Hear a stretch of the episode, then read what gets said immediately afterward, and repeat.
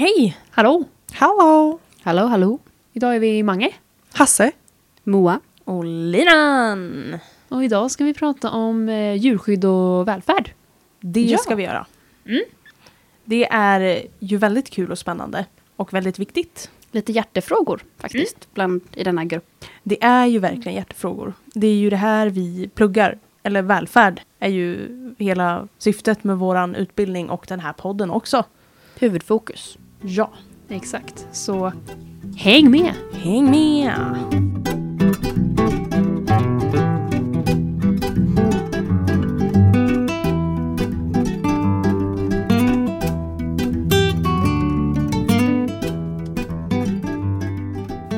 Men först, innan vi drar igång, så har vi faktiskt fått in en fråga från eh, en lyssnare. Kul! Spännande, wow. Så jag tänkte att vi roddar lite i den och ser vad vi kommer fram till. Ja. För då var ju frågan lite kring hundar och revirmarkering. Och Oj, oj, eh, oj. för att förtydliga då så var den här personen inne på hur det kommer sig att vissa hundar uppvisar beteendet att de eh, krafsar i marken efter att de har gjort sina behov när de varit ute. Eh, vad det innebär och varför de gör det och varför vissa individer uppvisar det mer än andra. Helt enkelt. Så att, eh, vad tänker ni lite när ni hör det? Vad tänker ni att det beror på? Vad är era tankar? Eh, det går ju tankar lite överallt för mig. Men det jag har hört tidigare är ju att, som du också sa, att det är ett typ av revirmarkering. Ett beteende för att hävda ett revir. Och Ja. jag har nog kanske inte riktigt, jag har nog inte tänkt så mycket på det, mer än att det ju är ett sånt beteende. Men huruvida vissa gör det mer eller mindre, eller huruvida vissa individer gör det mer än andra har jag inte reflekterat över så mycket. Så det ska bli spännande. Ja, hundar har väl som katter liksom doftkörtlar i, i tassarna och vid klorna också. Som de Just det. då Mm. markerar med när de Just det. krafsar i marken. Så är det. Mm. Eh, nej men för att jag grävde, jag har ju också lite så här, ja, har väl någon slags liksom uppfattning om vad det, vad det är för någonting, eller vad det är för typ av beteende och vad för syfte det har. Men insåg väl ganska direkt också att det har jag inte tittat upp vetenskapligt. Så att Mm. jag försökte läsa på lite om det. Och att de studierna som jag hittade och tittade på så var det ju då att syftet med att markera är dels då för att informera till andra artfränder, då, det vill säga andra hundar. Om, de vill liksom informera om revir och även att det kan finnas olika resurser som de vill på något sätt försvara. Så det är ett sätt att vara tydliga mot andra hundar att det här är mitt och kom helst inte in på det så undviker vi båda konflikter. Mm. Så det är ett sätt att undvika konflikter för hundar. Spännande. Mm. Det är väldigt spännande. Mm. Men vet man varför vissa individer gör det här mer än andra då? Eller ligger det i bara en eh, alltså beteendegenetiken då? Att för vissa är det mer naturligt att göra det. Ja, för jag hittade de två studierna som jag tittade på, då var det den ena tittade då på liksom domesticerade tama hundar och den andra tittade på domesticerade vilda hundar. Och hos de vilda hundarna så var det ju då mycket det här med att det indikerar en hög social status om man gör det mer. Respektive om man gör det mindre. Eh, samt att det också är mer utav en så här försvar av revir och så vidare. Och att hos domesticerade tama hundar så är det, ligger det mycket i, vad man tror i alla fall, att det också är rent visuellt. Att man informerar andra individer som kanske ser beteendet. Eh, dels direkt när det händer, men också att när de kommer fram till platsen att det syns ju i marken att de har varit där och krafsat. Men också, precis som du var inne på Hasse, att de har ju eh, körtlar som Mm. avger mer. Och att eh, de hundar som gör det mer är ofta äldre. Det är lite vanligare hos hannar än hos tikar.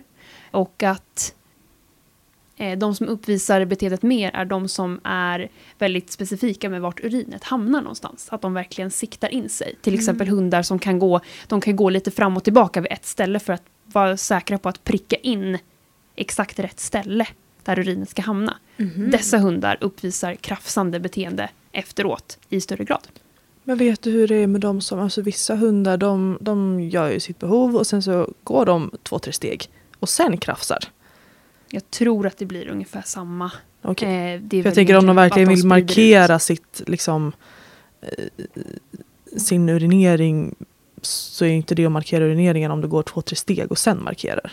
Nej, alltså det blir väl, så som jag tolkar det så är det ju inte att de vill markera själva urineringen, Okej. utan det är bara att de vill göra ett tydligare doftmarkering. Okej. Så att de gör det, det blir ju lite större för att de markerar ju dels med urinet men sen också att de sprätter, det blir som en större yta.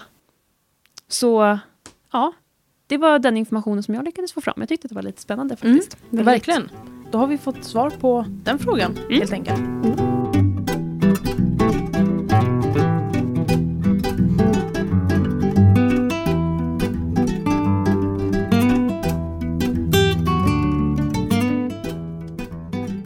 Det är ju väldigt många kanske som tror att djurvälfärd och djurskydd är samma sak. Men det är ju faktiskt två helt olika saker. Även fast de ju såklart går lite grann hand i hand, att man applicerar eller tillämpar välfärd i djurskyddslagen, så är det ju som sagt två skilda saker. Det är väl lite att djurskyddet bygger på djurvälfärd. Men att det gör egentligen inte det. Lite Ja, luddigt och bra. ja, Man har försökt att bygga upp Mm. det på det för att det ska Exakt. låta bra men det är ju inte riktigt Nej, så för kanske. när man djupdyker i det så inser man ju att det egentligen inte är så. Nej, precis. Och jag tänker att vi drar igenom lite grann vad välfärd är och sen vad djurskydd är. Mm. Så att vi lägger lite en struktur för det för att sen kunna gå lite djupare ner och faktiskt komma fram till du, det du kom fram till nu Moa. Men om vi börjar då vid välfärd. Och då vill jag börja med att ställa en fråga till er. Innan vi började plugga, vad ansåg ni vara välfärd då? Vilken jättestor fråga, känns som. Ja, verkligen. Jag tror faktiskt inte att jag reflekterade på den nivån innan jag började plugga. Alltså man gjorde väl kanske det i någon grad utan att sätta ordet välfärd på det. Mm. Eh, jag tror att jag tänkte mycket kring att jag vill att djur i min omgivning som jag på något sätt var inblandade i, liksom i deras liv. Jag ville att de skulle må bra.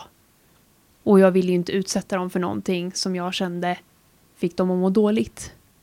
Nej, Men jag känner väl att alltså, som många sa, att vi har ju man har väl kanske tänkt mycket på det fast kanske under andra termer. Man har väl inte satt ordet just välfärd på det man har tänkt men man vill ju alltid att alla ska må bra liksom. Eh, Nu när man vet lite mer om ämnet så kan man ju mer sätta ord på vad man kanske har tänkt och sen utveckla det ännu mer så. Mm. Ja, jag är väl lite inne på samma. Man har aldrig liksom konkret definierat välfärd på det viset. Man har väl alltid tänkt i de termerna fast inte satt ord på det. Mm, just det. Och jag är ju lite på samma ställe som er. Att eh, det är väl givet att man alltid vill att ens djur ska må bra. Och Frågan blir väl liksom vad är det man egentligen, för att om man, ja, en tanke bara. Alltså det är ju, det blir ju så otroligt luddigt när man bara vill att ens djur ska må bra. Och vi har olika arter som vi kanske hanterar och de mår ju bra av olika saker. Så att jag tror att det är viktigt att reflektera över själv. Men- Vad det faktiskt är som får ens djur att må bra. just det. Och det var lite dit jag ville komma till. För att det ligger ju någonting i det här. Att man har så svårt att definiera och kanske sätta begreppet välfärd i kontext. För att det är ju väldigt luddigt det här med välfärd. Och det är faktiskt en definitionsfråga. Så en definition som finns är ju att välfärd är den subjektiva upplevelsen av sin situation och den ev- egenupplevda livskvaliteten som någon då upplever. Och då kan man ju tänka att det är ju en bra definition. För att det sätter ju ord på att det sätter ju ord på vilken situation man befinner sig i och hur man känner i just den situationen. Men hur fasen mäter man det? Exakt. Och hur kan man förstå vad en annan individ än sig själv känner i en viss situation? Ja, för det blir ju lättare för oss människor som kan förklara. Jo. Man kan ställa frågan rakt och konkret. Och den andra personen kan bemöta det. Precis. Och vi är ju alla här inne såklart av samma art. Och vi kan i mycket större utsträckning förstå andra människor än andra arter, som ju alla våra husdjur som vi håller, eller djur överlag. Ja, det blir ju problematiskt att kunna jämföra våra känslor med andra käns- djurkänslor för att vi, vi är inte samma art. Så är det ju. Och det är ju, om man ska gå ännu mer djup, man vet ju egentligen aldrig hur en annan människa egentligen känner heller. Utan vi kan ju bara lita på att den som säger någonting ju faktiskt talar sanning i en situation. Och sen är det ju också att det blir ju inlärt hur man... Det blir ju inlärt i hur man uttrycker sig. Det är lite som att diskutera liksom hur man uppfattar olika färger. Det är ju någonting som är egenupplevt. Och att bara för att jag säger att den där färgen är grå och någon annan också säger den är grå, vi kan ju fortfarande kanske egentligen se den på olika sätt utan att vi vet om det. Men vi har alla lärt oss att säga att den där är den färgen. Så är det. det. blir lite samma sak med känslor tycker jag. Att man lär sig att kanske uttrycka känslor på lite samma sätt. Men sen kan det ju faktiskt egentligen kännas på olika sätt utan att vi någonsin kommer att få veta det.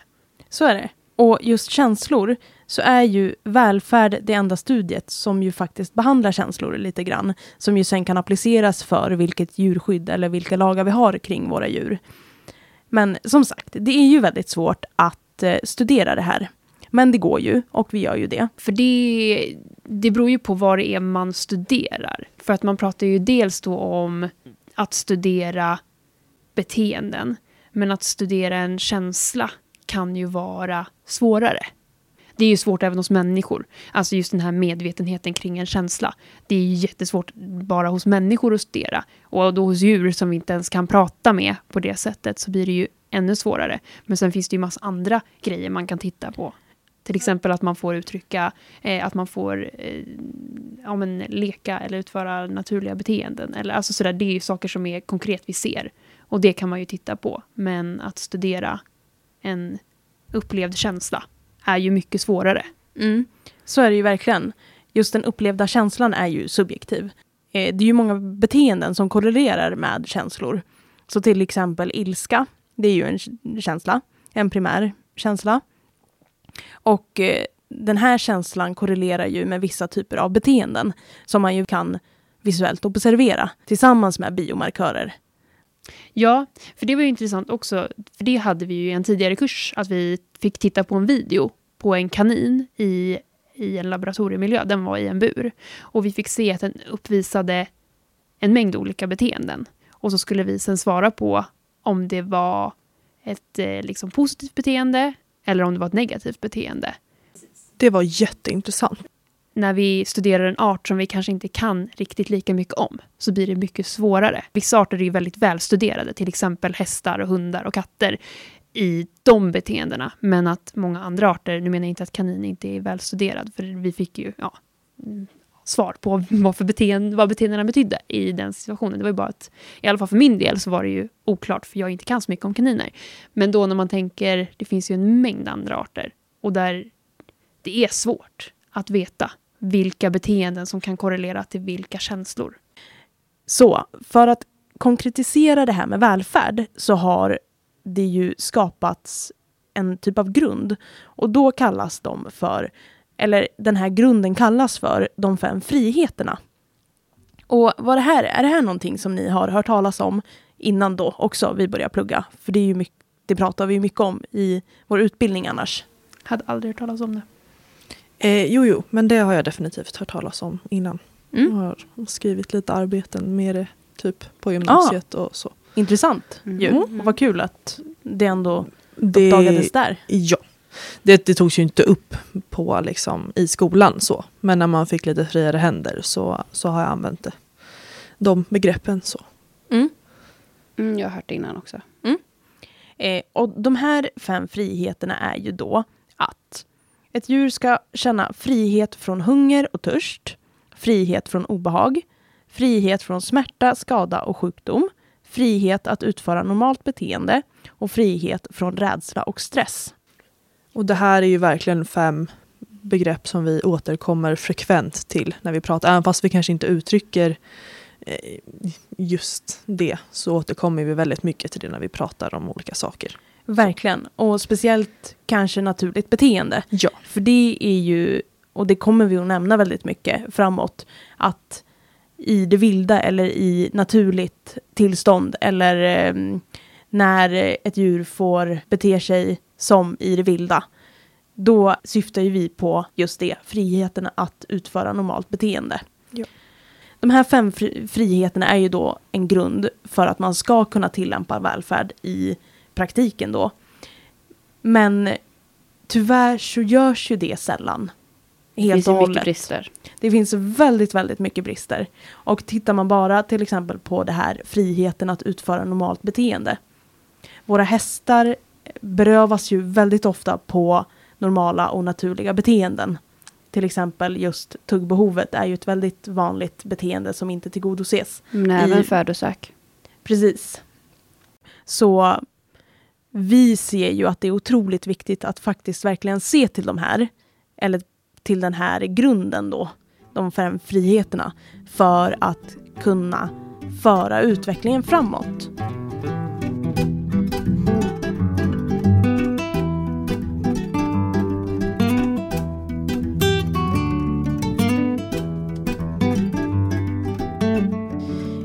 Ja, och då har vi ju djurskyddet.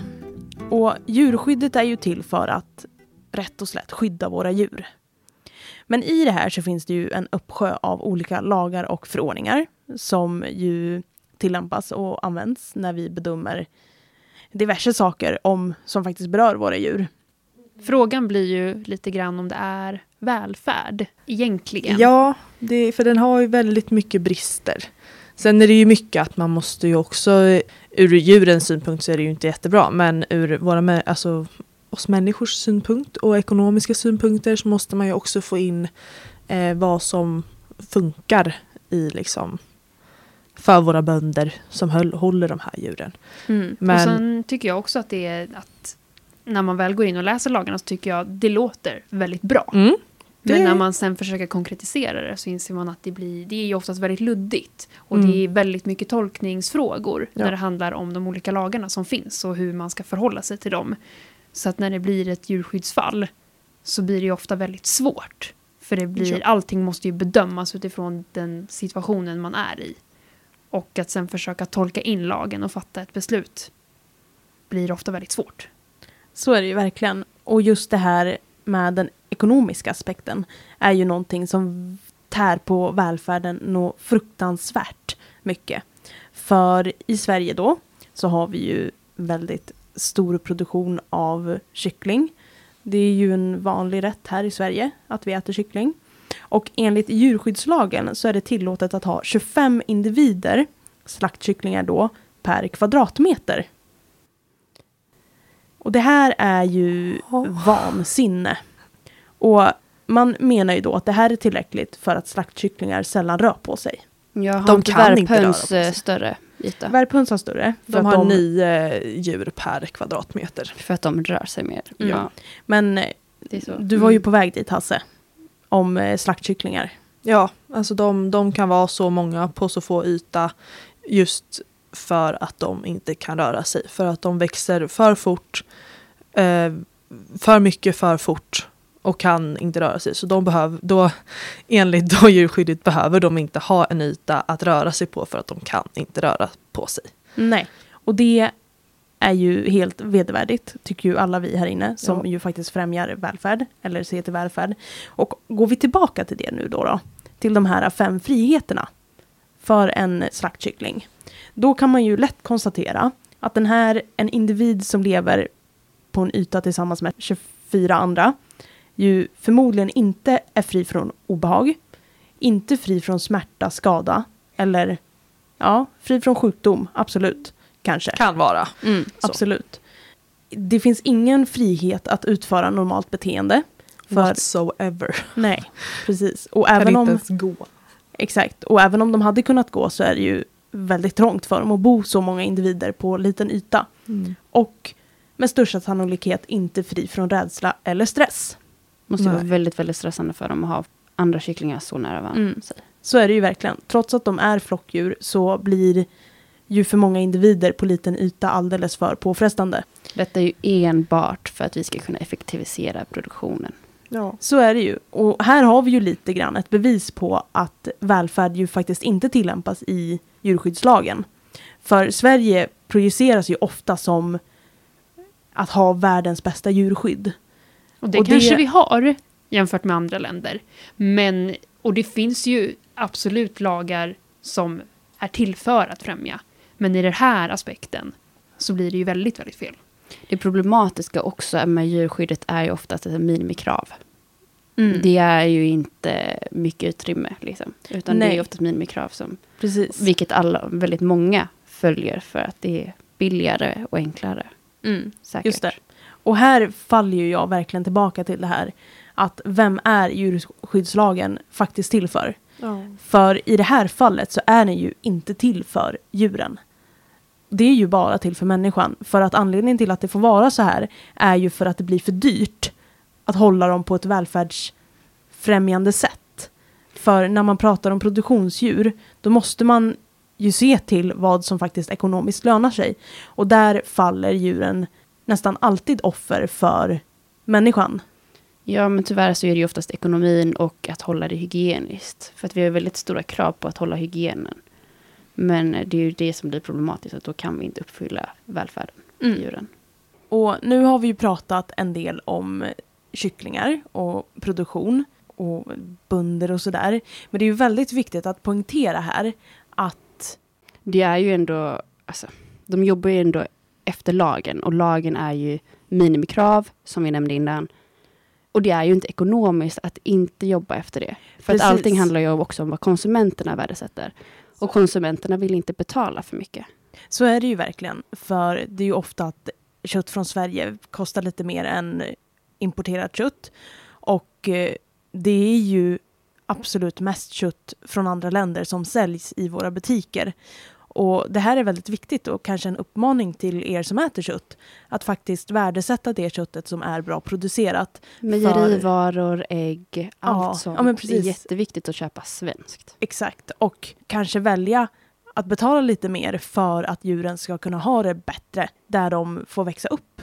Och som sagt, även just då när man kommer till lagen, att det är väldigt viktigt att de som faktiskt har makt över lagen, att de ja, men, ser till det här och reflekterar över vad som kanske skulle behöva förändras. Alla bönder värnar ju om sina djur mer eller mindre, för att annars hade ju inte det gått att producera någonting. Så är det ju verkligen. Och som sagt, det finns ju en efterfrågan på marknaden. Och bönderna gör väl det de kan liksom för att kunna tillgodose det här, eh, den här efterfrågan. Men så länge lagen tillåter den här produktionen och så länge människor inte är villiga att betala lite mer för maten så kommer det ju aldrig ske en förändring. Exakt. Det är ju inte enbart bönderna, utan det är ju alla tillsammans som vi behöver göra för att förändras. till exempel i Holland, då har man ofta produktion, alltså produktionsdjur i samband med välfärdsforskning. Så det finns ju då sätt att hålla produktionsdjur på ett bättre sätt genom att göra det i samband till exempel med välfärdsforskning. Och att det kanske är någonting vi borde ta efter i Sverige. Den är nog det- inte så etablerad. Det är nog Nej. det som är problemet. Att folk har inte Mm. sett resultatet. Att det blir bra resultat av att främja välfärden hos våra djur. Det tycker jag ändå att SLU ska ha cred för. För de gjorde ju, påbörjade ju en studie för, nu vet inte jag när den påbörjades, men eh, de studerade ju huruvida mjölkproduktionen påverkades av att kalvar faktiskt fick gå med deras eh, mammor. Även när de tog mjölk då, för produktion. Och det här är ju fantastiskt och det värmer ju hela mitt hjärta när jag får höra på sån här typ av forskning när man faktiskt ju försöker främja välfärden eh, för att kunna applicera det i produktionen sen. Ja, för jag tycker att det är så sorgligt också. Jag blir alltid så irriterad när man hör om länder, i det här fallet då Sverige, att man, säger, att man klappar sig själv lite på bröstet och säger vi har sånt himla bra djurskydd. Då blir ju risken att man stannar av. Att man inte börjar hitta ännu mer sätt att göra det ännu bättre. För det finns ju fortfarande så otroligt mycket som behöver ändras på och göras bättre för djurens skull. Så att jag tycker att det är lite farligt att bara säga oj, vi är så bra. För att då stannar det av. Så är det ju verkligen. Och bara för att man har bäst djurskydd betyder det ju fortfarande inte att det är bra. Exakt. Så det får man ju eh, notera lite grann. Och sen vill vi även flika in och säga att det finns ju självklart produktionsdjur eh, som hålls på ett bra sätt. Det finns absolut. Ja, precis. Och det vi menar då är ju att djurskydd och välfärd är två olika saker. Och välfärden appliceras eller tillämpas inte alltid i djurskyddet. Även fast Sverige har ett av de bästa djurskydden så betyder inte det att välfärden för djuren är bra. Det korrelerar inte med varandra. Det kan göra, men det gör inte det alla gånger. Och särskilt inte när man kommer till produktionsdjur. Nej, men det behöver egentligen inte heller om vi ska säga bara produktionsdjur, utan det kan ju vara oss våra andra husdjur också.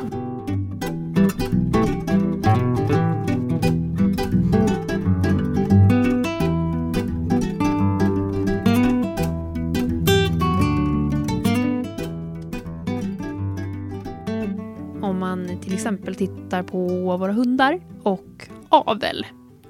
Här har vi ju i vissa fall också mycket problematik. För det finns ju en del raser som avlas på som har ett väldigt trubbnosigt utseende. Det finns hundar som har väldigt mycket valkar. Och detta kan eh, skapa väldigt mycket problem för de individerna. Det är ändå enligt djurskyddslagen okej okay att avla på individer trots att det innebär att de som föds behöver kanske genomgå operationer för att kunna se tillräckligt mycket. Till exempel att de får valkar som hänger för ögonen. Eller att de har svårt att andas så att de måste opereras för att öppna upp så att de kan andas överhuvudtaget. Och här kan man ju flika in då också att för att gå till, tillbaka till just välfärden och vad som finns konkret där. Att för sådana här individer så finns det ju ingen frihet att utföra normala beteenden. Eller ingen frihet från obehag och ingen frihet från smärta, skada och sjukdom. Precis. Så att det går ju att hitta problem då inom djurskyddslagen inom många olika områden eller om man tittar på olika arter. Det, det finns ofta att hitta. Så det finns ju alltid områden där man kan förbättra. Och det går ju lite sakta kan man ju tycka ibland. Men eh, det är ju lite så med lagar tyvärr. Ja, för forskningen går ju framåt hela Exakt. tiden. Men sen så är det ju att den ska etab- etableras och komma ut till gemene man liksom. Så är det ju verkligen. Och eh, här kan man ju även se till våra hästar. De hålls ju på ett ganska begränsat sätt som vi har dem idag. Och just våra hästar har ju ganska liten frihet att utföra naturliga beteenden. För att ofta håller vi ju hästar i, på ganska små ytor.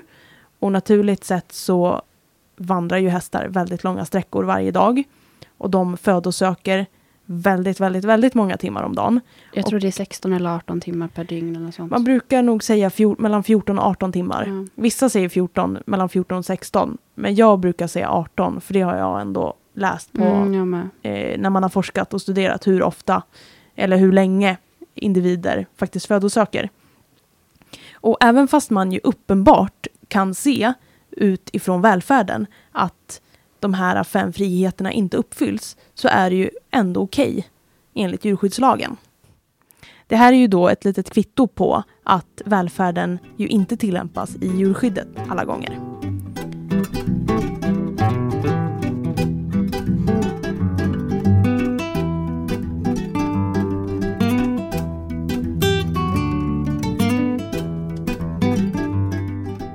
Hallå gänget. Jag har en dagens fundering idag. Wow! lala. Mm. Kul! Så här. Har ni hört det här om att hamstrar äter upp sina ungar? Nej, det har jag faktiskt inte gjort. Jo, Alltså det, Ja, det har du. Nej, men jag har hört att det, det, det liksom finns i, eh, eh, hos, eh, inte en del ska jag inte säga, men jag har i alla fall läst att det existerar eh, hos vissa arter. Arter? Arter. Varav hamster är en. Men jag har inte djupdykt i det överhuvudtaget, jag har bara hört det. Ja. För tydligen är detta ett problem. Eller anses vara ett problem när man håller hamstrar. Att de äter upp sina ungar. Och att man säger att det är på grund av stress. Att honan känner sig stressad Vilket är ganska Mm. logiskt Mm. Kanske. Men Men ja, det- det, anses väl vara ett helt korrekt problem. Om man säger så. Dock så har det faktiskt visat sig, när jag läst på lite, att i både fångenskap och i laboratorier då såklart, att det kan ske på grund av könskvotering. Och för att minska sina kullar. Så det kan Jaha. faktiskt vara ett naturligt beteende då. Och inte bara ett onaturligt beteende som vi uppvisas Det i har jag fångenskap. dock inte hört då. Jag har ju då hört de här. Jag är inte expert på det här. Nej, nej, nej. Men Den studien jag läste nämner om det. Och det var ändå en... Vi kan väl säga att det säkerligen behövs mer forskning på det. Men, Såklart, som allt annat. Ja, exakt. Men det är ju också därför vi funderar på sånt här. För Mm. att eh, kanske först och främst börja tänka på det och reflektera. Uppmärksamma problemet. Och, Ja men Mm. precis och sen kanske leta lite mer forsk- forskning. Men det är ju, alltså det här tycker jag är väldigt, väldigt intressant. För den slutsatsen man drar när man tänker att det är i fångenskap är ju att typ alla de naturliga beteenden en hamster behöver ju inte finns tillgängligt för individer som finns i fångenskap och att man ju har håller dem på ett väldigt onaturligt sätt. Ja, för att i den här studien jag då kollade på så var det oftast på grund av att det kunde vara minskad mat och fettförråd hos hamstern och därför blev det typ större, att de åt upp sina ungar oftare eller att fler av hamstrarna gjorde det. Och då fick de ett hormon som eh, signalerade att de hade större fettförråd än vad de trodde att de hade. Och då minskade detta drastiskt med 40 procent ändå. Jaha. Men Gud, gud, det, det känns är- ju inte som att hamstrar i fångenskap lider av liksom eh, för lite mat, så att säga. Det känns som att de flesta hamstrar som jag har sett i alla fall i fångenskap, de lider ju snarare av fetma än av eh, förlust. Men de kanske inte får i sig alla mineraler som de behöver, eller vitaminer. Å andra sidan, ja, känns jättekonstigt att käka upp en unge för att få lite mineraler kanske. Ja, och det, jag tycker det är fruktansvärt intressant. Det Just är det för att det verkligen. är ju, det motsätter sig ju exakt allt Ja. evolutionärt att äta upp sina egna ungar. Fast För gör det- det det? Jag tänker i den situationen som det kändes som att vi ändå var lite på väg. Att om nu honan har för lite reserver i kroppen och för många ungar. Då riskerar hon ju att alla hennes ungar tar skada av att hon har för lite att erbjuda sina ungar. Men om hon skulle då ja, göra sig av, lite fint, eh, med en eller två. Så har hon ju större chans att kunna bidra till de ungar då som finns kvar. Exakt. Det var min tanke Mm. i alla fall. För då tänker jag att också för att allting handlar ju om att man ska få så många avkommor. Och jag tänker att det blir större chans att sina ärver förs vidare om man har en mindre kull som man kan ge mer till. Ja, så tekniskt verkligen. sett så känns det ju väldigt, äh, väldigt rimligt, är ju svårt att uttrycka som kanske. Men det känns ju ändå rimligt då. För det är ju liksom även fast andra djurarter kanske inte äter upp sina ungar som inte riktigt håller måttet så stöter många djur ändå ut de ungar som inte håller måttet. Och tekniskt sett dödar de också fast de äter inte upp dem så utan de bara tar bort deras resurser så att de liksom tinar bort långsamt. Och det var lite det jag tänkte för att ju som sagt min spontana tanke är ju att det är onaturligt att äta upp sina ungar. Mm. Men Mm. att det ju blir så väldigt komplext när man väl börjar fundera på vad vissa beteenden ju egentligen betyder. Ja, men jag tänker också Och- den här könskvoteringen. Mm. Vad har den? För nu, jag vet inte, vad har den för funktion egentligen? Jag vet inte, det stod tog ville- inte upp om det var mindre honor eller mindre hanar Nej, eller okej. så. Jag tänkte om det var något Nej. eh, hon ville uppnå liksom. Hmm. Lever hamstrar solitärt? Sen när de liksom växer upp, vet vi det? Guldhamstrar gör. De lever Mm. solitärt? Ja. Okej, De och ska rest- man inte ha tillsammans för de bråkar. Då. är det någonting vi bara har sett i fångenskap Ja, när de inte exakt. har tillräckligt med resurser? Eller är Det det, kan någonting? jag inte svara Nej, på. okej. Ja. Men eh, det vet jag i alla fall. Det lilla jag kan om hamstrar från att ha jobbat i djurbutik är att guldhamstrar inte ska bo tillsammans i en bur. För de, eh, ja, det funkar inte. Okej. Men andra hamstrar tycker om att göra det? Eller? Ingen aning. Ska de leva tillsammans eller är det att man kan ha dem tillsammans? Men det här, nu, det här tycker jag också är väldigt intressant. Att vi ju sitter här och har en fundering och inser ju att det här måste vi ju bli bättre på. Ja, Faktiskt. har absolut ingen aning om Och- hamstrar. nej, verkligen inte alls mycket kunskap. Och det är ju väldigt viktigt för att det är ju många som har hamstrar. Mm. Så det här var ju jättebra Moa att du tog upp en sån här fundering. Ja, även om nu vi nu kanske har pratat om att detta kanske är ett naturligt beteende. Så kanske man ändå inte ska alltid säga att det är naturligt beteende bara för att det utförs i fångenskap heller. Vi kanske ska veta varför vår hamster äter upp sina ungar när den är i fångenskap också. Så kan det ju vara. Mm. Så att vi inte bara tar att ja, men det är naturligt, vi går vidare med vårt liv, utan vi faktiskt vet varför vår hamster i fångenskap gör det. För att främja just välfärden som vi har pratat om idag. Mm. Det är ju jätte, jätteviktigt. Och för att främja välfärden ännu mer, då, det kräver ju att man ju faktiskt har kunskap Mm. Mm. eh, om andra beteenden också. Och det har vi ju inte tillräckligt om Så vi får heller. alltså inte skaffa hamstrar om vi inte läser på om saker. Nej, Eller Mange kan skaffa en ensam guldhamster. just det. Det vet jag inte. Mm. Ja, vad kul. Spännande. Det var Mycket spännande. dagens spaning. Nej, Fundering. det var dagens fundering. Det var inte en spaning, det var verkligen bara en fundering.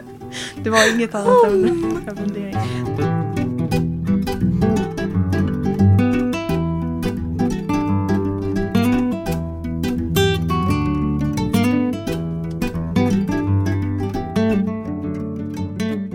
Okej hörni, så hela kontentan med det här då är ju att djurskydd och välfärd är två olika saker. Exakt. Korrekt. Och att vi kanske önskar att man ska se mer till välfärden hos våra, våra djur som vi håller i hemmet eller våra husdjur och även produktionsdjur och alla andra djur som också finns. Ja, men lite så här, se det lite mer från djurens perspektiv och inte människans. Precis. Och reflektera lite. Det är väl det vi säger hela tiden. Men det är viktigt att eh, faktiskt tänka över eh, vad man gör kring sina djur eller djur man har bara i sin närhet. Och hur de upplever det. Exakt. Så är det. Men vill ni komma i kontakt med oss så kan ni göra det på vår Facebook. Eller vi- Instagram. Eller inte. Eller mejl. Eller mig. Det finns så Mail. många sätt. Ja, men om vi börjar på Facebook. Där heter vi gärna djur. Likadant på Instagram. Ja. Och för att komma i kontakt med oss på mejl så kan ni höra av er till garnadjur.hotmail.com. Exakt. Skicka in era frågor så kommer vi att svara på frågor. En fråga varje avsnitt hade vi tänkt. Mm. Och det kommer in massa frågor redan nu så det är superkul. Bye bye bye! Bye! Bye!